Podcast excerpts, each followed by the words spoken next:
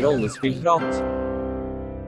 Hei og velkommen til episode Jeg vet ikke helt hvilken, men vi kan jo kalle det en ny sesong av Rollespillprat, siden det er såpass lenge siden uh, vi har vært, vært, på lufta, som det også heter. Uh, det er vel snart et halvt år.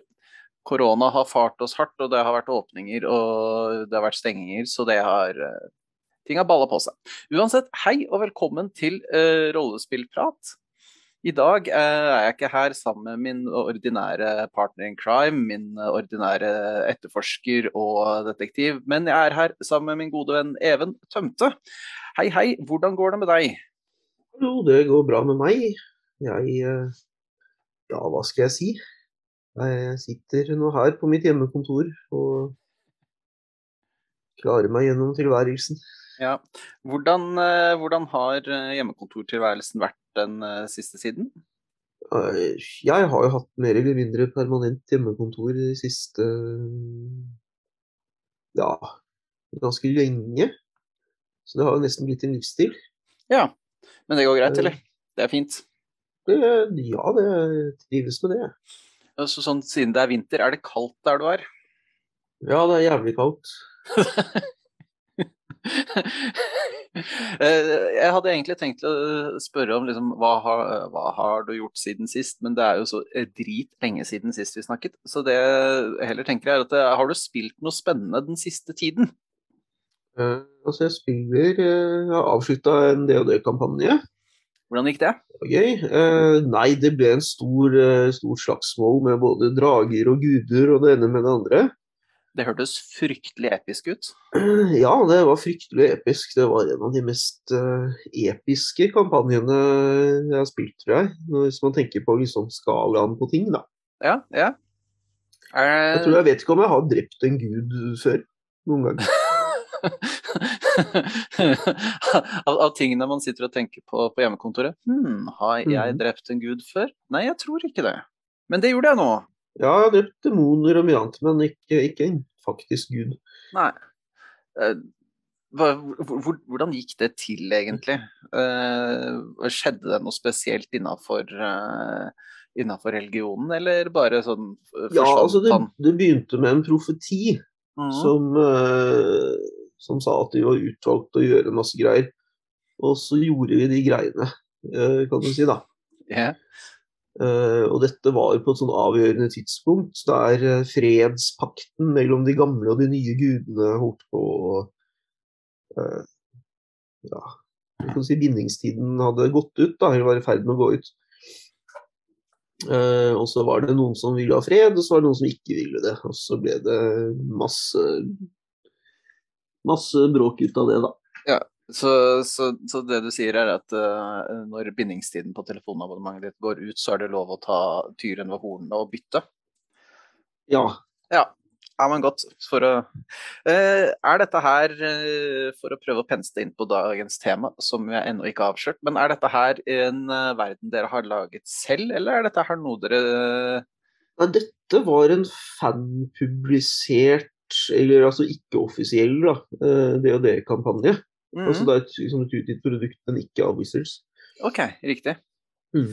Eh, fordi... eh, er, altså, de har jo en uh, kampanje basert på gresk mytologi, men dette er liksom den andre uoffisielle kampanjen basert på gresk mytologi, da. OK. Eh, får, får tak i den på Hvor er det man kan kjøpe den? Hvis man er interessert? Eller laste den ned, hvis det er noe På internett et sted. På internett et sted. Jeg bare, jeg bare husker ikke hva den heter. Nei, for det vi skal snakke om i dag, Even, som vi fant ut etter en eh, Det var en på Discord-serveren eh, til rollespill.info som lurte på om kan dere i podkasten snakke om det å bruke rollespillsystemene som en mal å lage settinger selv?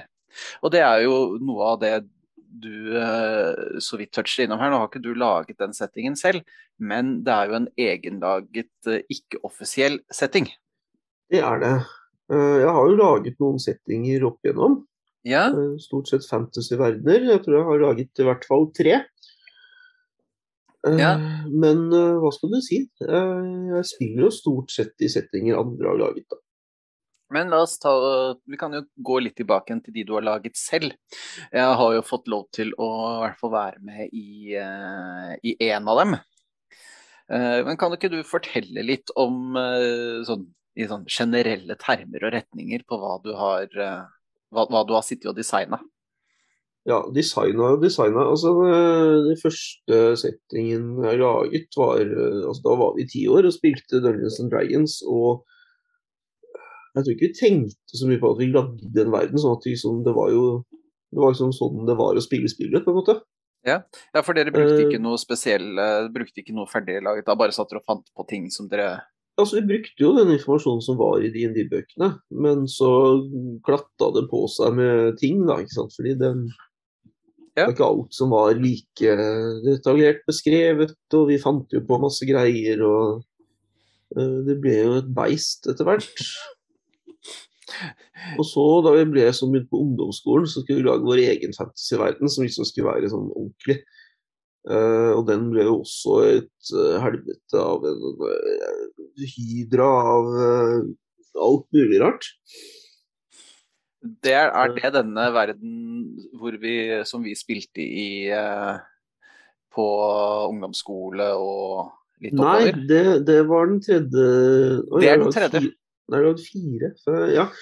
Uh, for det, det, var jo også det, Den ble jo laget sånn som jeg tror veldig mange settinger blir laget. At man begynte å spille DND, og så måtte man ha en landsby og noen huler og noe greier for å ha noe å spille i. Og så begynte man å liksom beskrive områdene rundt, uh, og så vokste det. Ja. Uh, og så fant vi ut på et eller annet tidspunkt at ok, her er det mye som ikke henger helt sammen. og så innførte vi en eller annen sånn inkvisisjon av Magnus og jeg, tror jeg. Som, uh, vi var ganske sånn tunge på labben og sa nei, alt det der som dere trodde at var i denne verden, det er ikke her lenger, for vi har funnet ut at det er teit. Var det teit? altså, DND er teit. Det er jo det jeg har funnet ut uh, nå, da. At, uh, og det, det, er liksom en del av det. Det er, det er fåfengt å kjempe mot at DND egentlig er ganske teit. Skal, det er liksom uh... hva, Men hva var det som gjorde det at dere fant ut at uh, nå skal vi endre på ting, og nå skal vi ta og snu opp ned på Nei, Vi hadde vel lyst til at uh, altså det var to, Vi hadde kanskje lyst til at det skulle være liksom mer som konsistens i ting. Og så var det jo det at vi oppdaga at altså veldig, my, veldig, veldig, veldig mye av den verdenen var rent plagiat. Hvor man liksom bare hadde Eller ikke plagiat engang. Det var liksom copy-paste fra ting vi hadde lest eller filmer vi hadde sett. eller sånn. Mm.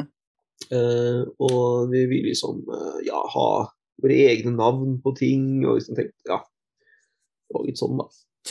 Jeg har jo vi I den DND-kampanjen som jeg driver og er både spiller og spilleder i nå, så har vi jo laget vår egen verden. Mm. Uh, den, der har vi henta inspirasjon fra uh, ja, mye, mye, fra Bayern-området. Uh, som vi har krydra med forskjellige Ja, mye, mye skandinavisk Ja, mye skandinavisk byggestil. Mm, Bay ja, bayerske navn, altså litt sånn tyskinspirerte navn. Eh, også på, eh, på, steder og navn på folk som går rundt, for å plassere det litt utenfor. Men så er eh, geografien er kanskje mer av eh, skandinavisk type, da. Hvor du har litt sånn høye fjell i nord og ja. dype fjorder og sånt noe. Hvordan har den verdenen blitt laget? Den, eh, vi først startet det med at vi laget en Til den forrige kampanjen vår så laget vi en slags sånn eh, middelhavsområde. Hvor vi lagde massevis og bare plasserte inn massevis av greier. Vi hadde sånn stort sånn eh, stort ubleka lerret, så vi bare plasserte ting vi liksom kom på. Mm. Eh, og så vi, følte vi liksom at her har det utspilt seg sin rolle. Her har vi gått såpass langt at vi, hvis vi skal begynne å spille noe nytt igjen nå, så kan vi ikke bruke denne verden. Fordi vi har uh, identifisert heltene såpass godt at det blir vanskelig å kunne lage noe. Vi kunne flytta det litt i tid og sånt, men det gadd vi ikke. Så da laget vi en ny, ny verden. Rett og slett. Og Ups. det Ja. eh, det, begynte med det at jeg tok og drodla litt, og tok eh, jeg, jeg, begynte med en by. Begynte med en by og begynte med et land. Og så tok jeg bare å plassere, så tok jeg først og plasserte ut litt ting. plasserte litt sånn, hva, Prøvde å beskrive litt hva som er rundt, og så tegnet Magnus. Og så plasserte vår venn Iver og jeg ut uh, litt flere byer og ting og steder av interesse på mm. dette, dette kartet. Og sånn jeg tenker, da, og sånn jeg tror de andre tenker også, er at hvis det er noe de syns er spennende, hvis det er noe de tror kan være av interesse, så er det bare lov å plassere på kartet. Mm. Eh, så, så, at vi mm. skaper, vi skaper, det sammen, da, på en måte. Ja. Da, for øvrig, da hadde, hadde, dere da en, liksom, en, idé eller et konsept eller liksom noe dere begynte med? Ja, vi, vi, jeg tok ut For å gjøre det fryktelig lett, eh, så tok vi eh, Da vi spilte forrige runde med en sånn hjemmelag, med ikke hjemmelaget kampanje, så spilte vi Tube of Annihilation. Og siden jeg syns at mange av disse navnene er fryktelig tåpelige på engelsk, så eh, oversatte jeg, oversatte jeg, noen av dem. Og da begynte hadde rollene sitt uh, utspring i den store byen Vassdjup. Eller Waterdeep, da, som den heter på, uh, ja. på, på engelsk. Djupvann kalt den. Ja, Eh, dette utgangspunktet da for neste, neste kampanje, altså den vi holder på med nå, er da igjen eh, en stor by som eh, har, har, noen trekk som ligner på Forgotten Realms-byen uh, Waterdeep, men må ikke misforstås. Denne her heter det, og Siden vi da spiller i en uh, tyskinspirert uh, kampanje, så heter denne Eh, byen heter eh, Wassertiefe. Ja, riktig. Så hvis man da skulle finne på å oversette dette her, så vil jo det Er det noen som kan kanskje trekke noen paralleller, og, i hvert fall med navnet? Mm. Jeg har jo laget én setting også sammen med Magnus i uh, mer voksen alder. Da. Uh, men da, den var jo annerledes på den måten at vi begynte med en idé, eller jeg hadde en idé om uh, hva skal du si, en konflikt som jeg ville iscenesette. Mm uh, da var tanken at vi Jeg så for meg liksom Jeg har lest mye om fransk revolusjon og litt sånn sosial forandring og sånn. Og så røkte jeg den tanken Men hva om den gamle ordenen hadde rett så hva om den kjipe, undertrykkende kirken faktisk beskytter verden mot demoner? At det ikke bare er noe de sier. Eh, men de er kjipe og undertrykkende, og folk eh, krever eh, frihet. Så vi lagde liksom noe ut fra det, mm. som var laget til én kampanje. Og gjennom kampanjen og med input fra alle spillerne, så ble jo dette her mer og mer definert, da. Men laget, eh, når du har laget disse tingene, har du da laget med et spesielt uh, system i bakhodet, eller har du laget en verden uten å tenke på hva slags, uh, hva slags system som skal brukes i Alle, alle verdener jeg har, settinger jeg har laget, har vært liksom til en bestemt kampanje. Mm. Uh, og da har jeg, jeg vet ikke om jeg har liksom tenkt så veldig mye på jeg vet ikke. Nei, det har alltid, det har alltid vært liksom for et bestemt formål. Det hadde vært noen sånn brukssetninger, på en måte. Mm. Ja, for jeg tenkte... Jeg tenker at Ja, du først. Ja, for jeg tenkte på min uh, vi, vi, tok jo utgangspunkt i, i, Dungeons and Dragons, fordi det var det vi var enige om at vi skulle spille. Det var der vi skulle naturligvis bare fortsette på det. Men jeg vet ikke om jeg ville gjort noe særlig forskjell om jeg skulle spilt med et annet sånn fantasy-system. Uh, jeg tror, altså for uh, Nå har ikke jeg vært borti så usannsynlig mange fantasy-systemer, men for eksempel uh, For eksempel um, Pathfinder og sånt. noe. jeg ville jo nok ikke gjort noe spesielt mye annerledes. Vi har jo ikke plassert ut 'her bor det orker', 'her bor det drager'. Uh, det er litt mer opp til uh, hver enkelt spilleder. Og det er det og hvordan man vil benytte seg og bruke denne verden. Alt er jo, alt er jo liksom er i spill, da, for å si det sånn. Mm. Jeg tenker jo at System har jo noe å si på den måten at også systemer er jo med på å definere hvordan ting fungerer i verdenen. Mm. Eh, kanskje særlig liksom, magi eller andre sånne ressurser som rollene har til å påvirke verden med. Dette vet jeg du har snakket litt om. altså F.eks. hvis man har tilgang til å liksom, helbrede sykdommer eller trylle fra mat, eller sånt, så forventer man kanskje at det vil påvirke verdenen med at uh, skader og sykdom er et mindre problem, sult er et mindre problem. Eller at det vil være noen, kanskje noen politiske konflikter om hvem som kontrollerer disse ressursene. Ja. Uh, og hvis man ikke gjør det, så vil jo man fort begynne å stille spørsmål. Liksom, altså, hvorfor har man uh, liksom, borgmurer når alle kan fly? Eller, altså, det, er, det er liksom en del sånne ting som kommer av hvordan systemet sier at verden virker, tenker jeg. Ja, ja for det ville jo vært eh, Jeg, jeg syns det ville vært rart å lage en, eh, en eh, Det ville vært rart å lage en fantasyverden hvis man skulle spille Alien, f.eks. Det kunne jo vært spennende, da, faktisk, når jeg tenker meg om.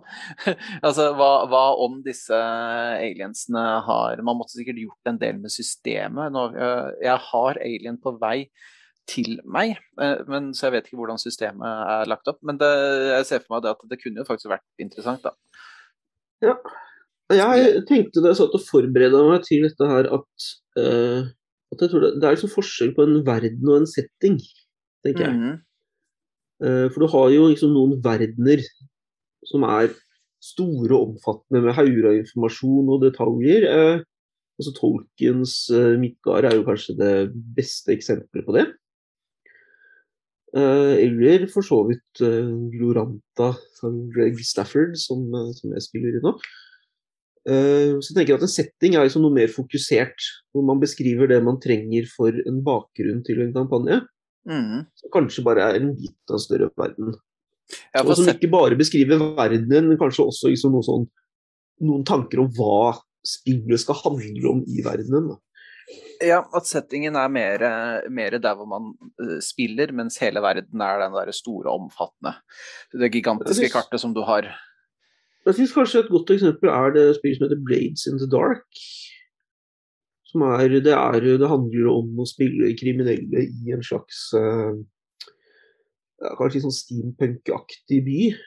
Og der har liksom, man, man har beskrivelse av byen, man har noen vage beskrivelser av hva som finnes utenfor byen, men først og fremst at det er så veldig faglig, så man går ikke dit. Så det er åpenbart at spillet handler om å være i byen. Og så handler det om å være en slags kriminell som vil jobbe seg oppover underverdenen. Så liksom, alt som står av liksom, beskrivelser av bydeler og fraksjoner og sånn, er liksom ut fra det perspektivet. Mm. Alt er liksom veldig sånn Dette skal brukes til å lage en sånn kampanje. Mm. Så, så, slo jeg opp da for å få liksom et eksempel på det andre i Glorantas sourcebook, som begynner med liksom Gloranta is a cube of earth surrounded by, uh, by and floating atop the endless Framax River. Water some very deep cover much of the earth, dividing its surface into two continents and many islands. Uh, at the top of the sky dome is the pole star, above it is the Isatar, the pure light, osv. osv. Det er liksom masse sånne Det er mer sånn atlasaktig beskrivelse av masse ting, og du kan liksom slett ikke ta den informasjonen og bare begynne å spille. Da må du tenke ok, hvor skal vi spille, hva skal spillet handle om osv. Mm, mm.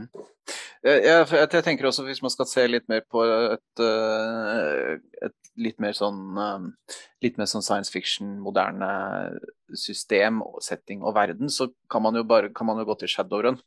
Hvor du har en, eh, du har en beskrivelse av egentlig hele det daværende USA. Men du spiller jo ikke i hele hele, på hele kontinentet. Du spiller jo i den ganske store byen Seattle. Ja. Eller, altså, eller, eller, eller spilt, Chicago er det vel også. Jeg har spilt Shadowrun i 30 år, og Det er jo en setting som på en måte bare har vokst og vokst.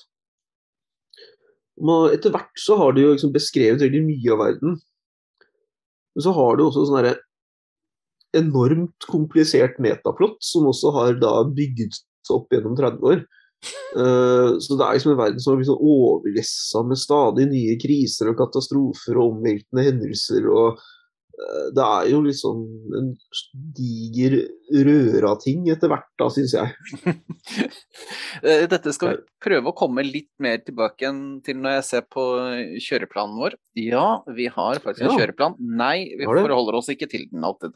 Ja, sånn er det. Ja. Uh, men hvis vi penser litt på dette her å lage egne settinger og verdener altså Kanskje mer sånn vi, vi, har jo snakket om vi har snakket om at vi har laget mye verdener, eller at vi har laget noen verdener, men at settingene er litt mer sånn eh, sånn ja komprimert da, rundt, mm. rundt rollene og rundt, uh, rundt, det man skal spille. Hvis, man, hvis, vi skiller mellom de to og sier at verden er, er, kartet og, og, setting er det som skjer rundt, så er det jo litt sånn hvordan, hvordan ville du angrepet de to eh, tingene med hva som er viktig å tenke på? Altså, jeg vil...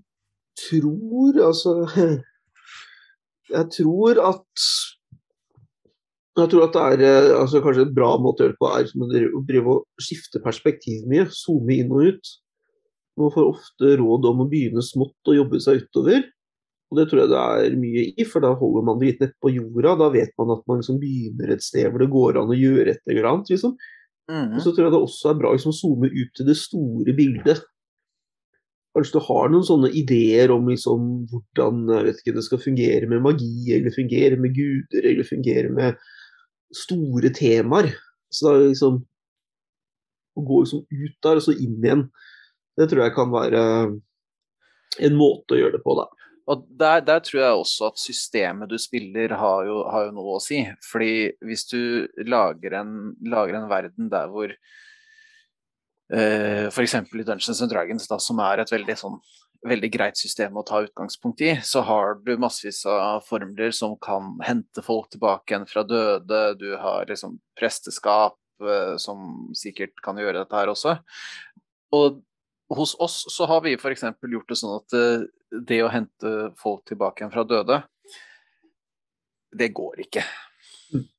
Eh, du kan bruke sånn Du kan bruke Jeg husker ikke hva den formelen heter, men det er en formel som gjør at du kan liksom få folk tilbake igjen etter ett minutt eller noe sånt noe. Og det, mm. den, den, den, har vi godtatt med sånn der eh, Hvis du har fingeren til en fyr som har vært død i 1000 år, så kan du vekke han tilbake igjen. Det Sorry, ass. Da... Det, det, er sikkert også en fin ting å tenke på. Altså hvordan, uh, hvordan vil vi tilpasse spillereglene til denne mm. verdenen? Uh, men kanskje også Jeg vet ikke om dere har, no, har dere noen forklaring på hvorfor man kan vekke opp noen som nettopp har dødd, men ikke noen som har vært død veldig lenge?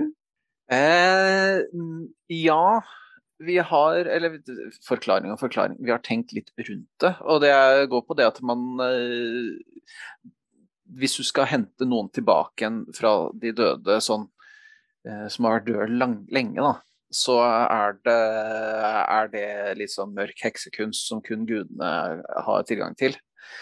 Mens hvis du skal hente noen tilbake igjen fra de døde som akkurat har tatt kvelden, som akkurat har falt i strid, så er dette her en slags legekunst som prestene kan. da. At man mm. lærer seg sånn uh, At man henter, henter en sånn guddommelig uh, kraft som gjør at du kan helbrede, at det går litt under helbredelsesmagi og litt mer sånn, istedenfor at du går rundt og det høres litt ut som moderne medisin, egentlig. Man kan drive hjerte-lungeredning og få noen i gang igjen, men ikke Vi har prøvd å plassere det litt ja, vi har prøvd å plassere det litt i det perspektivet der.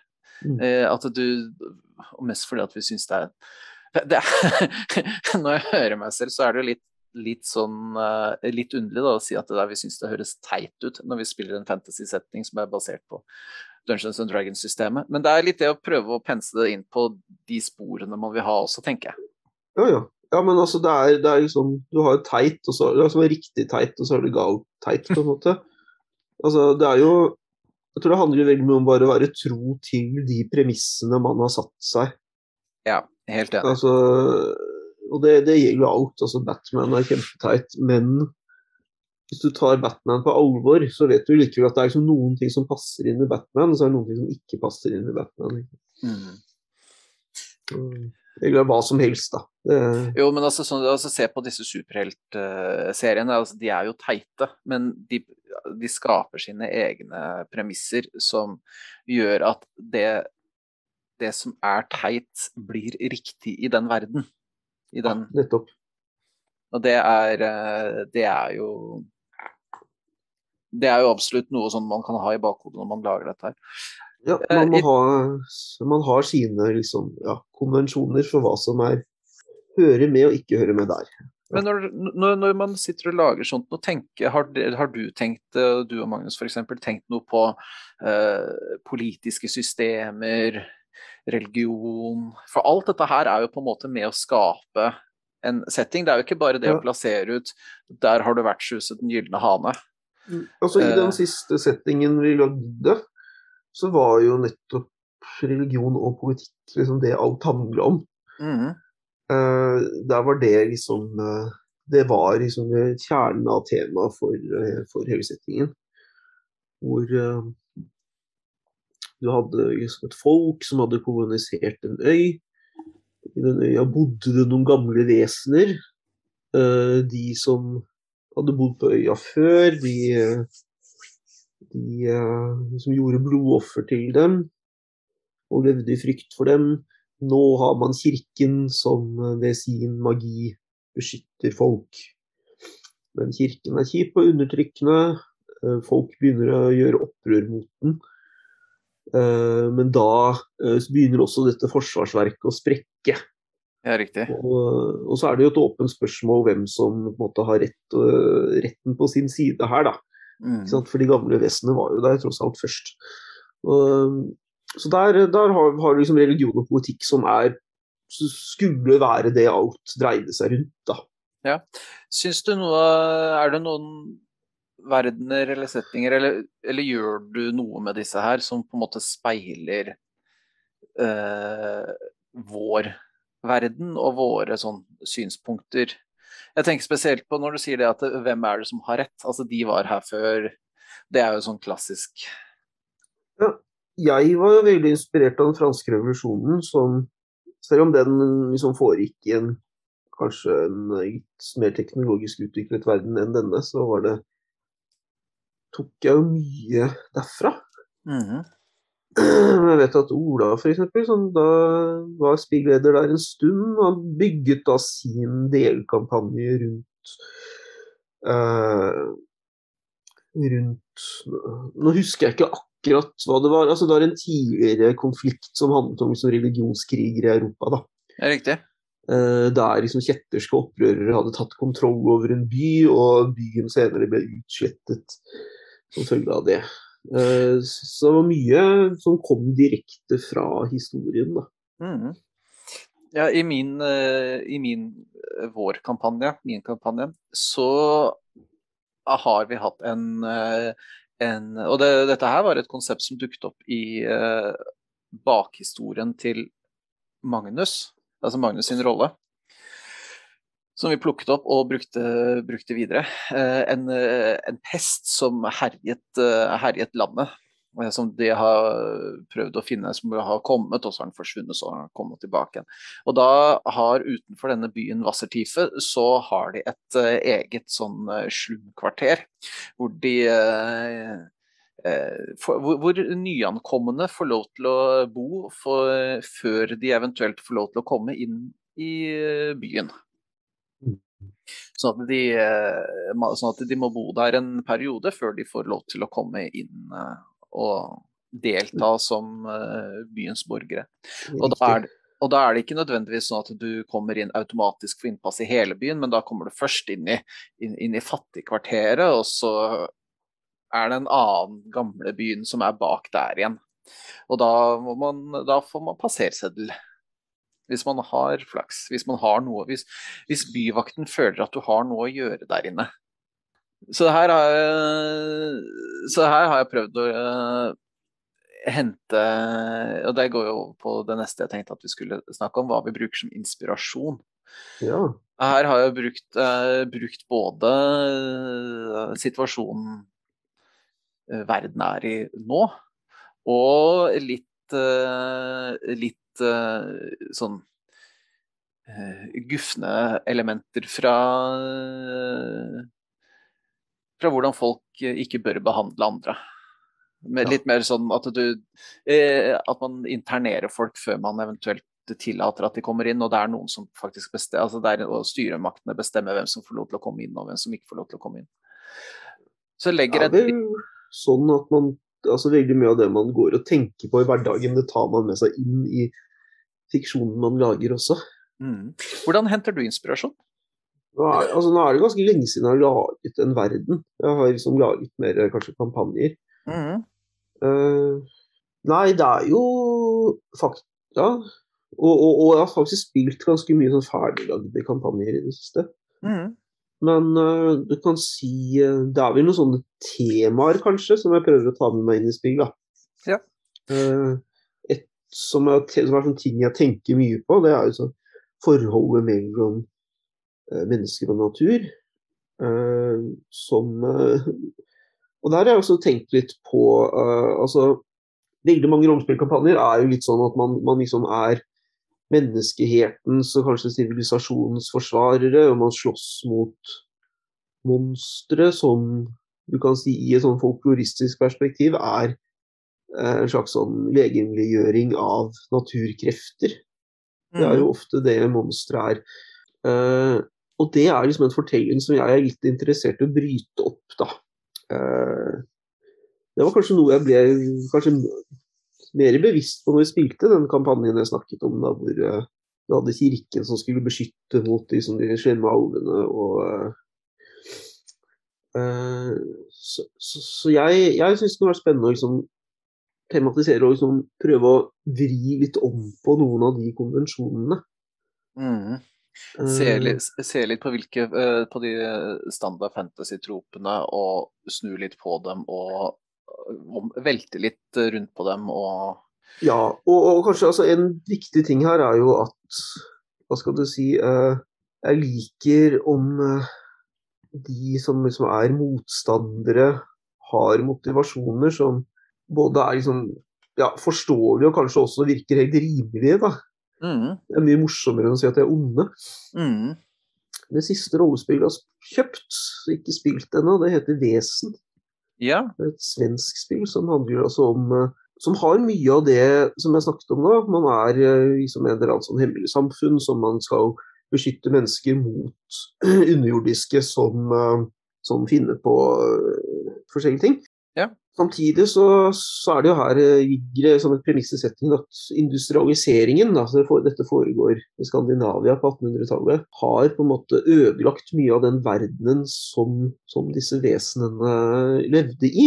Mm. Og det de gjør, er jo en reaksjon på det. Det er kanskje en protest mot det. Det er eh, ja, det er, ikke, det er, liksom, det er litt, litt sånn åpent om er det, er det egentlig de som er de slemme, eller er det Kan man forstå hvorfor de gjør, de gjør det de gjør? Det er riktig. Og, og så blir man satt i, i situasjoner hvor man kanskje må forholde seg helt konkret til det. da. Det er noe av det jeg har tenkt på i, min, eh, kamp, i de kampanjene jeg har. Altså de eventyrene jeg har lyst til å kjøre framover. Sette rollene i situasjoner hvor det nødvendigvis ikke er noe rett eller galt. Uh, blant annet det at uh, OK, det er, uh, det, er det, det, finnes orker, men og hvorfor har orkene kommet, kommet i nærheten av mennesker? De har, det er lenge siden sist. Ja, hvorfor det? Ja, kanskje det er matmangel?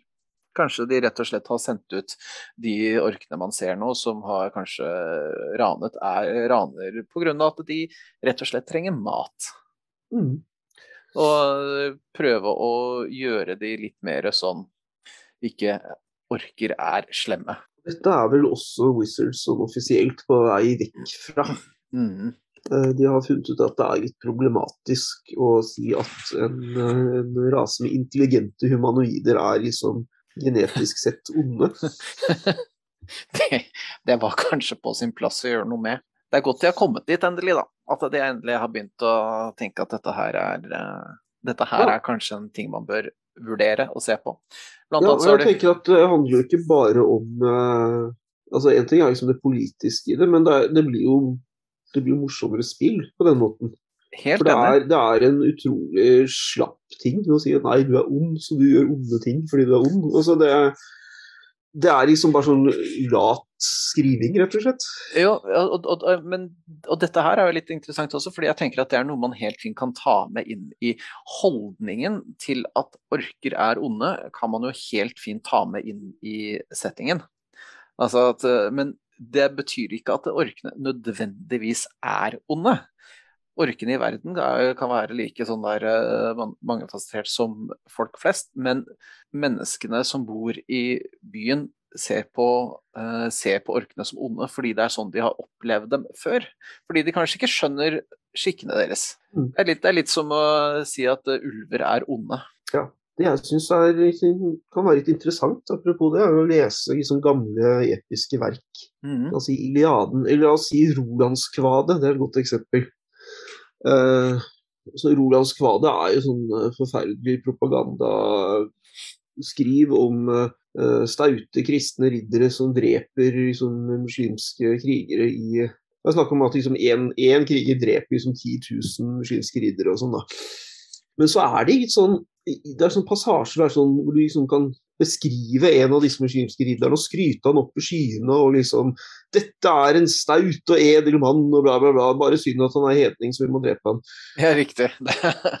Som er eh, Hvor det er liksom det er en sånn blanding av liksom dehumanisering, men også liksom at man kan anerkjenne kvaliteter hos fienden. Mm -hmm. det, er bare, det, er bare at vi er fiender, liksom. Ja, Iliaden er fullt av det også som er kanskje liksom mindre sånn eh, propagandistisk. Hvor liksom du har de her store heltene på hver side. Eh, men det er bare det at de er på hver sin side, liksom. Ja, det er, altså det er veldig interessant, da.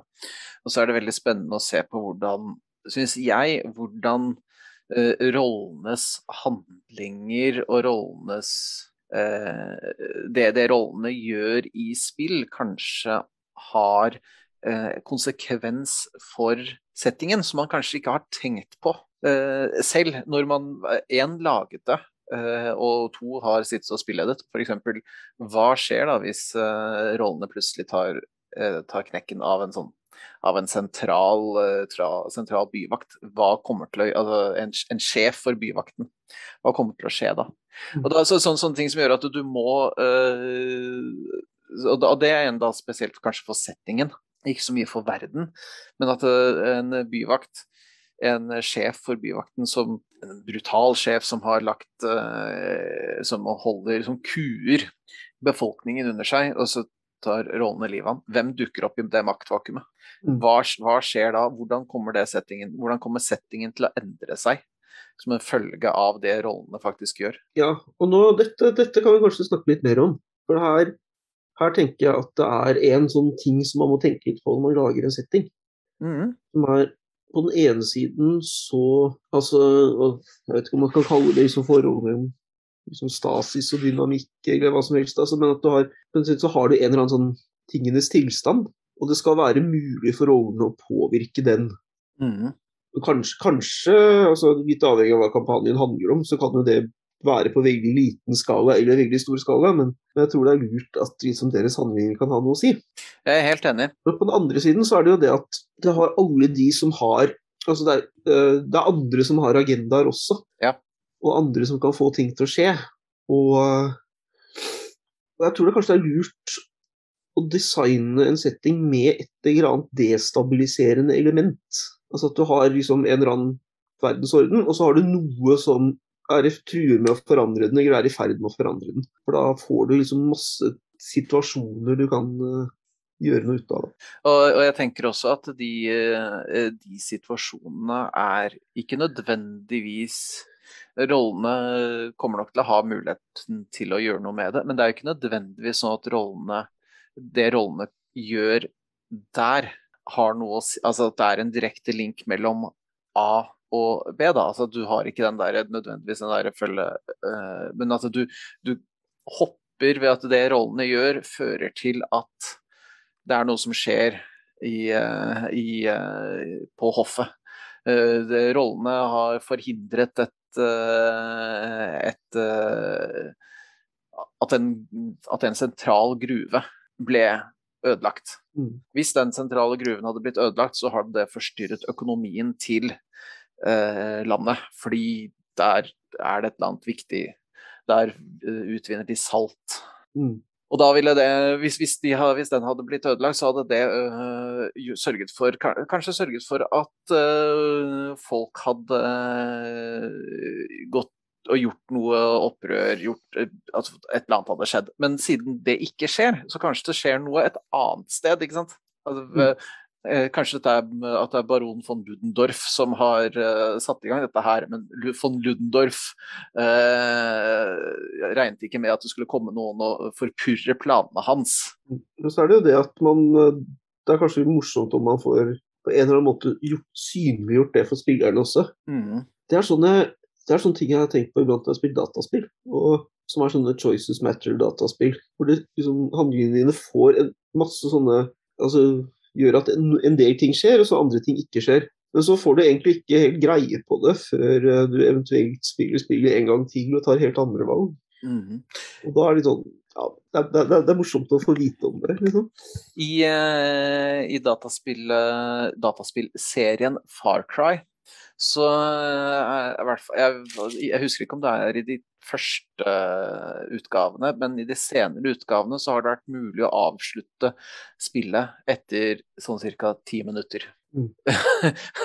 så så istedenfor å spille ut åpningssekvensen som du er ment å spille den ut, så kan du ta en, kan du ta en snarvei, og så kan du bare avslutte ved å ta livet av hovedpersonen. Altså, så er hele spillet ferdig? An, ja, ved å ta livet av antagonisten med en gang. Og så er spillet over. The end. Artig. Så det er sånn altså, det, det er én måte å avslutte det på, da. Jeg, mm. husker ikke hvilket det er, men det er et av dem hvor jeg tror du får et finner en pistol, og så står du bare og venter i ti minutter. Og så kommer, kommer antagonisten tilbake, og så kan du skyte. Og det er, ja, det er sånne, sånne ting. Jeg syns det å, som du sier, altså, synliggjøre synliggjøre konsekvenser av hva, hva rollene gjør. Uh, og gjøre det klart for dem at ja, det du Hvis dere ikke hadde gjort, gjort dette, så ville mest sannsynligvis noe annet skjedd. Ja. Det er, jeg har, nå holder jeg på å skrive, skrive fullføre sesongavslutningen på eh, kampanjen vår i Dungeons and Dragons. Første sesong. Ja. Mm -hmm. Og der uh, skal det komme en del valg. Som det egentlig er Jeg har lagt det litt jeg vil ikke kalle det for åpen, åpen avslutning, fordi jeg vet har jo liksom noen tre-fire knagger hvor ting eh, kan havne. Men det er åpent i den form at jeg har ikke bestemt meg for Altså jeg, har, jeg, jeg holder mulighetene åpne for at ganske mye forskjellig kan skje, da. Og det er hva rollene gjør som påvirker avslutningen eller hva de ikke gjør, som påvirker avslutningen. Og det de gjør, vil nok i kan, Altså, det kan ha en stor konsekvens for verden vi spiller i. Men uh, for å komme litt tilbake til dette med verdener Ja. Kanskje jeg skal spørre deg. Uh, er det noen verdener eller settinger du liker spesielt godt, og hvorfor? Uh, jeg har prøvd å tenke litt. Og jeg er Jeg er jeg, jeg, er, jeg, er, veldig fan av uh, Og dette her blir jo en verden. Jeg er veldig fan av uh, litt sånn gammeldagse Ravenloft til Dungeons and Dragons, eller det som da var Advanced Dungeons and Dragons. Ja, hvorfor det? Eh, jeg syns det fordi det er så mye å hente, rett og slett. Det er så mye sånn Ravenloft består jo av forskjellige sånne mørke, mørke krefter som river og sliter i folk. Og hvert land har sin, eh, sin, forferdelige hersker, og hvert land har på en måte har sitt tema. da. Så er det noen av dem som er fryktelig teite, og så er det noen av dem som er veldig morsomme. Den mest kjente av dem er nok uh, Barovia, som uh, sist ble nevnt i, uh, i kampanjen Curse of Strad. Mm. men det er så veldig mye, veldig mye annet å hente derfra. Du har, du har steampunk for de som liker det. Du har politiske intriger for de som liker det. Og alt sammen er liksom sausa sammen til, til liksom det som da var et ganske svært kontinent, hvor ting grensa mot hverandre. Så likte jeg, jeg likte godt at det var så forskjellig var mange forskjellige typer uh, skumlinger, da. Mm. Ja, alle, sammen, alle sammen er jo teite på sin måte, men det var liksom så det var trukket fram på sånn Ja, det var altså lord Sott, for eksempel. En sånn en, Jeg er veldig glad i lord Sott. Ja, alle liker jo lord Sott. En, eh, en sånn uh, Death Night, som de, de, kalte det. Som uh, ble, ble, ond etter at han ja, Det var, var, noe tapt kjærlighet og noe roser og noe opplegg. Det var helt nydelig. Alt, alt har jo liksom Og det, det veldig, slår meg veldig i mange av de settingene, er veldig mye av de onde er blitt onde fordi en eller annen kjærlighet ikke er blitt gjengjeldt, eller at de har mistet noen kjære. Og så har ting gått åt skogen, rett og slett. Du sier at uh, Ravenloft er kanskje en veldig sånn eksempel på en setting som er veldig sånn båret av karakterene. Ja, enig. Mm. Veldig enig. Det er ikke så veldig mye beskrivelse av hvordan ting ser ut, men det er veldig mye av uh, hva slags tematikk da, de uh, man ønsker å bruke. Du har jo Det er, det er mye forskjellig, rett og slett. Jeg syns det, det, er veldig kult at de også fortsatte å, å gi med dette her. At de eh, fant ut at dette her er en, eh, er en verden hvor man skal eh, Hvor man liksom skal ta og videreutvikle og gå videre, da. Og det er jo bygget opp for å være et, eh, et, en, en skrekkverden, eh, men la oss være ærlige. Hvor, hvor mye Hvor skummelt eh, Altså, det er jo ikke det, det, det, blir liksom ikke så skummelt når alt framstår som en sånn pastis av, uh, av, av, hva som skal være skummelt. Uh, du har For eksempel så har du, uh, har du verden Blutspor, som, eh, ja, som, er en som de kaller for cosmic horror. Som da har Som er illitider, altså sånne som går rundt og spiser hjernene til folk, tror jeg. Uh, og veldig mye av den der typen rundt der, mm. det er uh, Og de har liksom tatt utgangspunkt da i alle mulige sånne forskjellige eh, forskjellige skumle historier. Altså, her, du har f.eks. Eh, Har Akir, som er eh, mumieverden. Eh, her er det ørken, et ørkenlandskap hvor du har eh, pyramider og mumier og Jepp, så det var Ravenloft, altså. Ja, jeg syns Ravenloft er morsomt. Det er, ja. er, er, er, det lov å kalle det litt sånn guilty pleasure? Ja, det er lov. Hva med deg? Hva har du noen spesielle fant, uh, settinger som du syns er veldig spennende? Eller verdener? Da? Altså, en som jeg syns er veldig godt designa, er jo Blades into Dark, som jeg nevnte. Mm. Uh, og det tror jeg er noe med Det handler liksom litt om at de som har laget den, er veldig dyktige til å få mye ut av lite. Altså Man får akkurat nok informasjon til at man føler at her har du masse å jobbe med. Mm. Men så er det såpass liksom, beskrevet på en sånn måte at du ikke liksom blir kvalt av masse informasjon og sånn, men mer sånn Det kommer liksom veldig godt fram at alt som står der, er verktøy som man kan bruke til å lage kule ting. Ja, riktig. Så du har denne byen, og du har en masse sånne fraksjoner med liksom folk som kan være enten motstandere eller allierte. Og de er og de er liksom beskrevet. jeg vet ikke, Kanskje de har et avsnitt, kanskje man liksom Du skjønner liksom hva det går i, men så har du masse plass til å finne på ting. Så jeg syns de har fått til den liksom si, økonomien der veldig bra. da. Det er riktig. Jeg kan nevne en til som er sånn helt motsatt, og det er jo Gloranta av Greg, Greg Stafford. Uh, verdenen til Rune Quest og Hero Quest og, og sånt. Som jeg syns egentlig bryter med alle mine kriterier for hva en god setting skal være. på en måte. Den er liksom kjempemasse uoversiktlig informasjon Uh, veldig masse informasjon man ikke egentlig kan bruke til noen ting. Uh, du må liksom lese hundrevis, om ikke tusenvis av sider for å liksom bare skjønne greia. Uh, men den er liksom så gjennomført at det blir bra likevel. Ja, riktig. riktig. Eh, fordi liksom ja, litt, Kanskje litt sånn som Tolkien sin verden, da. Mm. Han liksom lager egne språk og liksom gjør sånne ting som er liksom utilgjengelige for de aller fleste, men som er med på å liksom, gi en følelse av at her er det en uh, stor og omfattende og sammenhengende kosmologi. En annen jeg, en annen jeg liker veldig godt, overraskende nok kanskje, er, uh, er verden i, i rollespillet Twilight 2000. Jaha. Ja, det er fordi at den er Det er vår Altså, dette her er jo da etter tredje verdenskrig i, i ja, tredje verdenskrig holder litt på, og så, er, og så, er, man plassert i da enten Sverige eller Man spiller enten i Sverige eller i Polen, men det er mulig, ja, så er verden rundt beskrevet. Mens uh, du har mye informasjon og kart og lignende over uh, de, to, de to landene.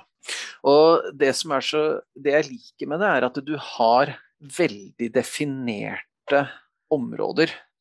Hvor du har sånn OK, men her er det At dette her er, er mer sånn informasjonen, og så er det det at du uh, spiller i neste, ja, tilnærma dagens, uh, dagens landskap, da. Mm, det er noe med, ja. Da kan man jo bruke ting man kjenner, kanskje.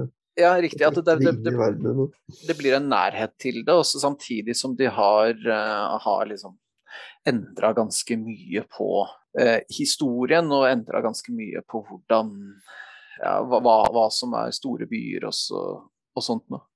Så det, den, den syns jeg i hvert, fall er, hvert fall er interessant, da. Jeg har lyst til å nevne en uh, veldig god setting til. Ja. Det er Martin og Ole Peders uh, 'Itras by'.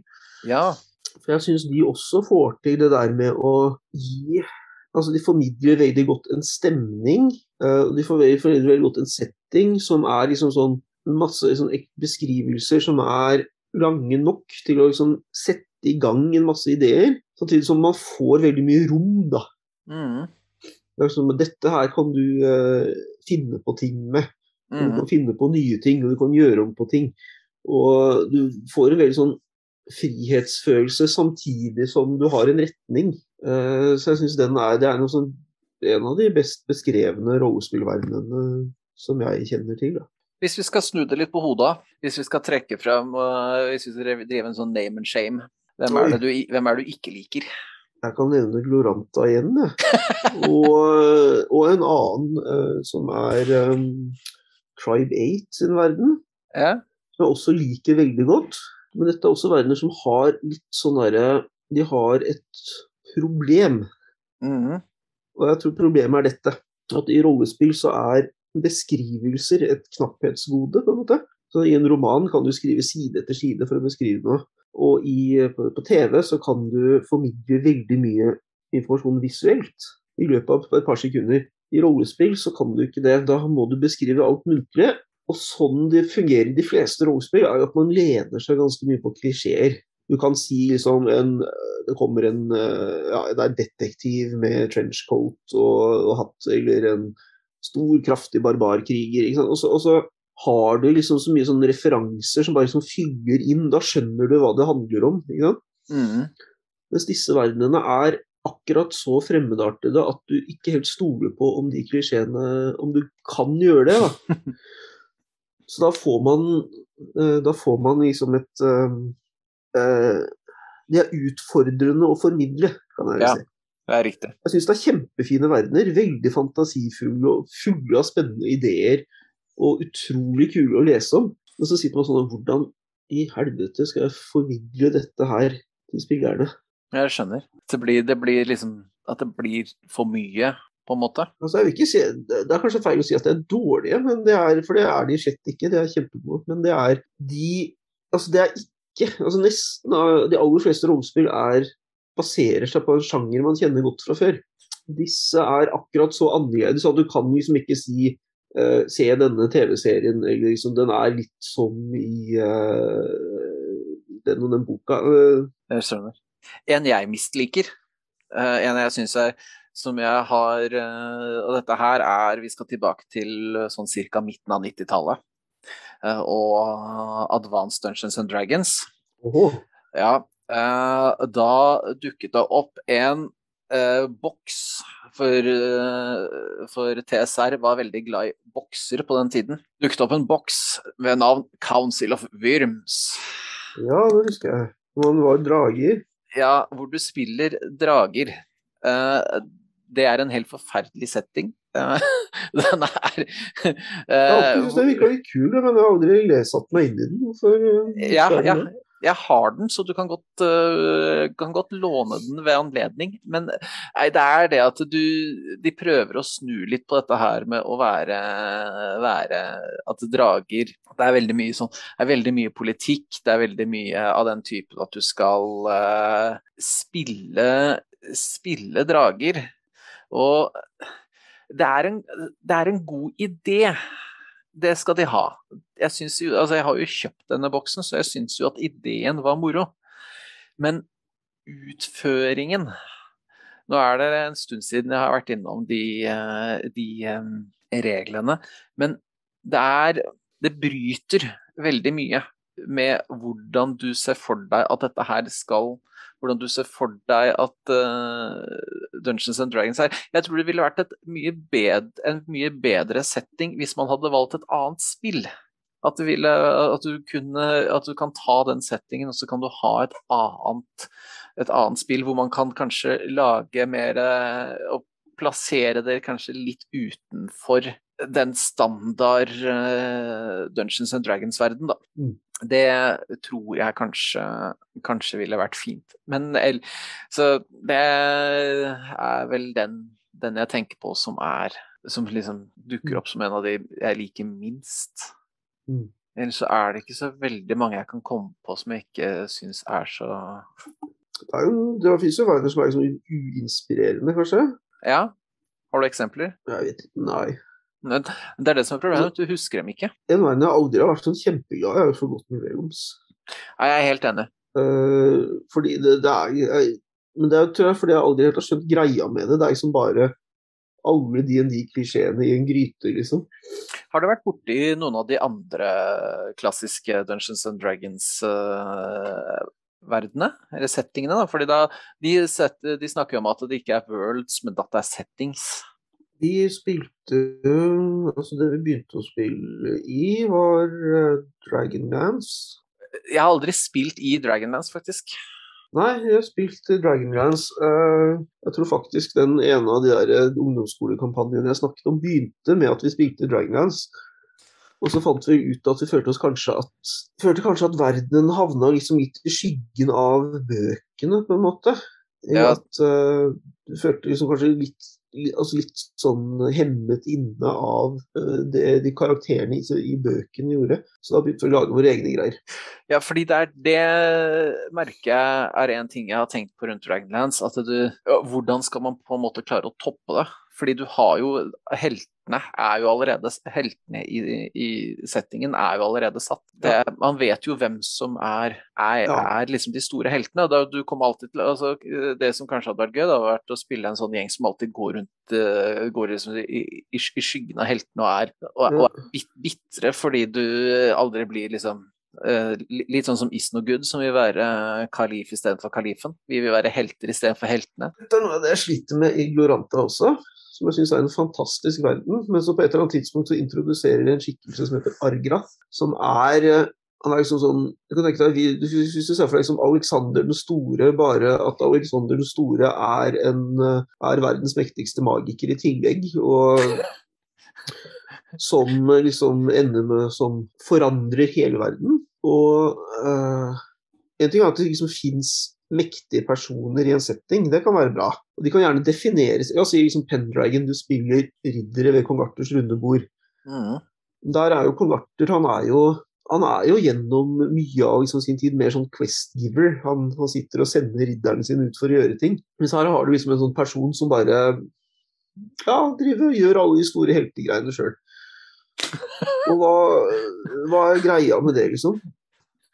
Men men så har jeg samtidig, som jeg liksom frustrert meg over det, så har jeg tenkt ok, men tenk om jeg nå hadde spilt en, um, et rollespill i andre verdenskrig. Da hadde jeg jo helt fint godtatt at liksom, nei, hva som skjer med krigen, det er bestemt. Altså, de kommer til å rykke fram til Stalingrad, og så kommer uh, liksom, Sovjetunionen til å slå tilbake, og så kommer invasjonen i Normandie, og uh, at alle de store tingene er liksom utenfor spillernes rekkevidde. I en sånn Det hadde jeg ikke hatt noe problem med, liksom. Men, men, når det skjer i en fantasyverden, så føler man seg snytt. Ja, jeg, helt, jeg, skjønner veldig godt hva du mener. At du tenker at i en fantasyverden så skal du At det blir litt sånn på, sånn på rollespill.info, hvor du snakker om det at det blir litt sånn, det, blir litt sånn super, det er litt sånn superheltspill, på en måte. At du skal etter hvert være den som er, er litt helt, da. Du må jo ikke, altså Nei, må, det, det må, må, må, ikke, må, ikke, men det er uh, Selvfølgelig, altså, hadde, hadde, hadde kun vært derfor, altså, Særlig hvis det skjer ting altså, i spillet hvor verdenen liksom blir forandret på grunnleggende vis og sånn, så er det i hvert fall kult å kunne gjøre det selv. Og vi spiller jo nå i Warhammer, og Warhammer har jo alltid vært sånn spill som har liksom vært litt sånn motkulturelt til hele det der, det er fantasyverden, men ja, vi, vi er jo noe sånn der uh, fattigslasker som uh, ja, knapt ja. Vi, vi, har jo ingen ambisjoner om å forandre verden, i hvert fall. Vi bare prøver å overleve i den, liksom. Dere, dere har så vidt ambisjoner om å forandre dere selv? Ja, nei, det har vi. Vi, vi, vi skal kanskje liksom uh, ja, finne lykken selv, da. Det er liksom ja. så langt våre ambisjoner strekker seg. Ja, riktig. Og det er vanskelig nå. uh, jeg tenkte at vi skulle gå over til, uh, et, til mitt faste segment. Ukas TV-serie til rollespill. Hvilken TV-serie har du tenkt på i dag, Eivind? Jo, du, dette her, jeg tenkte litt Siden vi snakker om settinger og verdener og sånt, så har jeg tenkt litt sånn hva hvilke, hvilke, konkrete settinger er det man kan uh, bruke som i, i, i rollespillsammenheng? Og da er det spørsmålet litt sånn hvor langt Altså, du kan selvfølgelig se på serier som The Witcher, du kan se på serier som Britannia, massevis av sånne uh, Barbaren kan du se på. Mye sånn spennende uh, uh, Kanskje du til og med har lyst til å se på Babylon Berlin? Og ha et litt mhm. sånn, litt sånn gotisk blikk på det hele. Jeg tenker at det er jo det er veldig klassisk veldig typisk, så jeg tenkte at vi skulle gå tilbake igjen til sånn ca. 70-80-tallet, kanskje litt tidligere, jeg husker ikke helt, eh, og se på Loveboat. Loveboat. Love boat du, du, du, du, du, du, du, Og så har du etablert litt sånn sett karakterer og roller som man liksom må forholde seg til. Jeg, jeg kjenner ikke til Love Boat. Kjenner du ikke til Love Boat? Love Boat er en fantastisk serie som omhandlet uh, livet på et cruiseskip. Dette var TV-serie som gikk på dagtid på, på TV 2 eller TV Norge uh, på midten av 90-tallet. Jeg tror kanskje at den var enda eldre den serien. Ja, helt nydelig. Det er kjærlighetsskipet der, altså. Da tenker jeg at man uh, Dette blir jo fort et, Mange av disse settingene og disse uh, rollespillene jeg tenker på, de blir jo fort sånn one-shots, fordi det er veldig få av dem som liker Som liksom passer inn i sånn seriespill. Mm. Men uh, et, et, et one-shot der man spiller, spiller på et cruiseskip og man skal spille ut en en reise, f.eks. Jeg ser for meg at det blir dritkjedelig spill, men det har det en setting. Og så er det litt sånn annerledes. Ja, jeg har faktisk spilt et uh, spill en gang som foregikk på et cruiseskip i Karibia på 60-tallet. Ja. ja. Um, da tror jeg det var noe overnaturlig skitt inne i bildet også, da. Ja, det, altså det, kan man selvfølgelig jeg, jeg, tenker mer sånn setting her. Altså, du kan jo selvfølgelig legge inn akkurat hva du vil. Overnaturlig ser jeg for meg ville kanskje vært en sånn Si det at du bruker Loveboat som setting, men at du bruker uh, At du bruker Kutulu Dark som system. Mm -hmm. At du Og da begynner man å, begynner man å snakke litt. Du, eh, hva, hva, skal, hva skal liksom konfliktene eller situasjonene handle om i Lockboat? Eh, det er jo Så langt har jeg ikke klart å tenke ennå, fordi jeg har tenkt på det den siste timen. mm. Men eh, si det at du har eh, eh, rollene har kanskje sine, sine egne private mål, hvor den ene kanskje er eh, en som er sendt ut fra et, uh, fra et konkurrerende, konkurrerende cruiseselskap for å uh, gjøre ugagn med, med båten. Oi. Og da begynner vi, altså da er det sånn, og så, kommer det, blir det litt konflikter ut av det. Kanskje det er en som er der for å Fordi hvis man da vil legge noe okkult inn i dette her, da, så skal denne båten seile gjennom, seile gjennom Bermudatriangelet. Og da ja, der skjer det jo ting. Der, der, der skjer det stadig vekk ting. Jeg har ikke sett robot, altså, men jeg, har, jeg husker jeg så på 90-tallet på en serie som het Rederiet på TV 2. Det var en sånn svensk eh, såpeserie som også foregikk på uh, Som handler om et rederi som foregikk liksom delvis på båten og så delvis på land. da. Mm. Men hvis man skal se på en sånn eh, litt sånn seriøs uh, setting, da, så vil jo faktisk uh, den TV-serien Britannia, som du også har snakket varmt om, ja. kun, er jo et fint utgangspunkt for ganske mye. Ja, det var sånn jeg endte opp med å spille Rundquist, fordi jeg mm. så Britannia, og ville lage en serie som basert, en kampanje som baserte seg på gallerkrigene og romersk okkupasjon, men med magi. Mm. Og da har du jo spesielt da i ja, som du sier, at gallerkrigen og romersk okkupasjon og, og, magi, der har du jo allerede liksom Der har du ganske mye da, som er mulig å ta tak i, og du kan uh, mest sannsynlig spille en hel rekke forskjellige uh, typer roller. Det tror jeg er ganske uh, ja, det tror jeg faktisk kunne vært Jeg vet ikke om det er laget et spill basert på den serien? Ja. Nei, altså det, det, det, var det, det jeg oppdaget, var jo at uh, liksom, det sentrale premisset i RuneQuest er ganske likt. Mm. Med et imperium som okkuperer et, et såkalt barbarisk land. Mm. Og alle konfliktene som oppstår rundt det, som både handler om mennesker som slåss, og om guder som er i konflikt med hverandre. Ellers så tror jeg også at, uh, at uh, serien som jeg nevnte i stad, Babylon Berlin, kunne vært et uh, interessant utgangspunkt for en slags en slags mørk litt, litt, sånn gritty rollespill om livet i Berlin på 19 ja, det fins jo en, eh, en spennende sourcebook til Call of Couture som handler om akkurat liksom Berlin i det på den tida. Ja. Men med, med sånn tentakelmonstre og kulter og sånt, da. Jo, men jeg tror det å legge inn litt kulter, og ikke nødvendigvis veldig mye tentakelmonster, men litt kulter inne i Babylon Berlin ville vært helt riktig. Ja, for den, eh, den, den settingen har fått veldig god uh, kritikk. Mm -hmm. Hvis bare livet hadde vært eh, litt Hverdagen hadde vært litt mindre full av ting, så hadde jeg ja, Berlin, the wicked city, heter den. Ja, men det passer. Det passer. Altså, du, jeg syns jo Det er jo ganske mye av de der seriene der som kan være fine å se på hvis man ønsker inspirasjon da, til sånne ting. Mm. Det, jeg, jeg, tror vi skal konkludere med det, at vi heller vil spille rollespillet basert på Babylon Berlin og, eh, og Britannia enn oneshot uh, Cthulhu Dark på The Lowboat. Jeg syns det hørtes gøy ut, jeg. Ja, da har vi tre ting vi kanskje kan få tid til. Eller vi får jo aldri tid til, men har, det er jo det som er problemet vårt. Ja. ja. Det var eh, jeg har var... forresten ikke tid til å snakke mer, for noe med jobben min. Ja, det er altså, det jeg tenkte jeg skulle si, er at vi, eh, det var hyggelig å snakke med deg. Uh, det er alltid spennende å høre hva du har å si om rollespill. Så til alle dere som har hørt på, tusen takk for at dere har uh, lysnet inn. Og så høres vi senere. Det gjør vi. Ha det bra. Takk for nå, og for ha det bra.